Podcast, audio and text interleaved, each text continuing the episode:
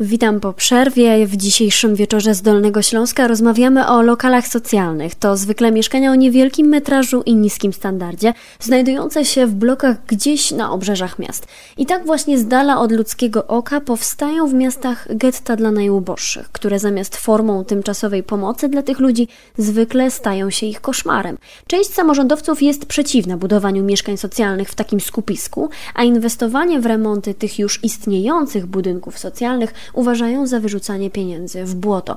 Przenosimy się teraz do Nowogrodźca, gdzie o mieszkaniu socjalnym marzy każdy. Niedawno oddano tam do użytku nowe, przestronne, wręcz luksusowe lokale socjalne.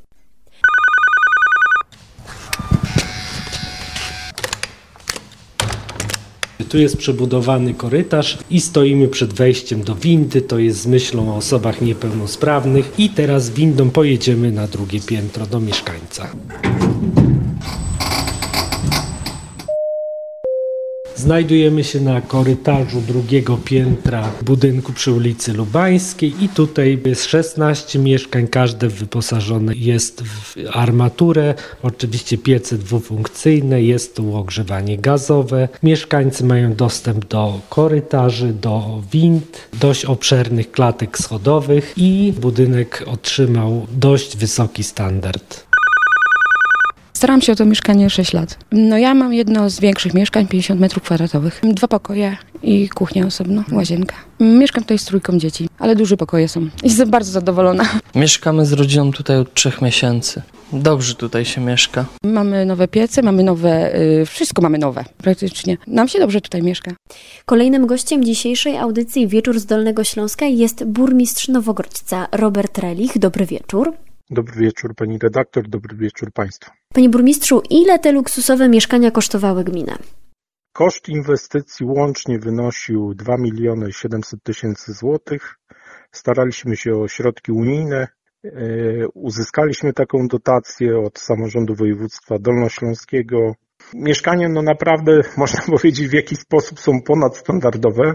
Przede wszystkim przestronne, funkcjonalne, wyposażone we wszelkie instalacje, udogodnienia. Nie mniej jak dwa pokoje, ale o różnym metrażu. Myślę, że mieszkańcy są zadowoleni i żyją w godnych warunkach. Dlaczego zdecydowaliście się na taki krok? Znaczy, dbamy o to, żeby nasi mieszkańcy przede wszystkim e, mieszkali w godziwych warunkach. E, W naszym rozumieniu jest to inwestycja społeczna, którą tak liczymy, nam się, e, używając takiego języka z ekonomii, po prostu zwróci. Tak? To nie jest mieszkanie, które e, można tak powiedzieć jest na stałe.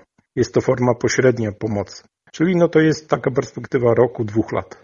Czy nie boicie się, że wasze mieszkania podzielą los tych, które znamy z innych miast? Wierzymy w to, że mieszkańcy to uszanują, docenią. Tylko w jednym przypadku mamy taką sytuację, w której to mienie e, nie jest właściwie użytkowana. To jest dla nas nowe doświadczenie, dlatego że my e, nie budowaliśmy mieszkań. Korzystaliśmy z tych zasobów komunalnych, szczególnie w starym budownictwie, przez adaptację.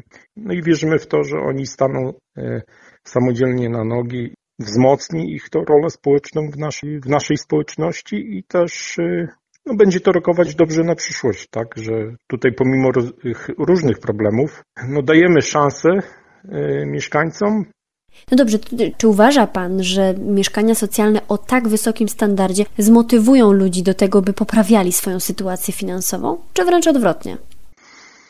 Y, znaczy na to można dwojako patrzeć, to znaczy tak, y, ja nie sądzę, żeby y, dzisiaj uznawali, że y, łatwo to otrzymali, bo ten czas oczekiwania i zabiegania o to mieszkanie był bardzo długotrwały. A inna rzecz, jeżeli jest coś bardzo dobre, to trzeba jednak y, stosować się do określonych zasad, żeby tego po prostu nie stracić. Może inne gminy inaczej to zadanie realizują, ale nikt w naszej gminie za darmo nie otrzymuje.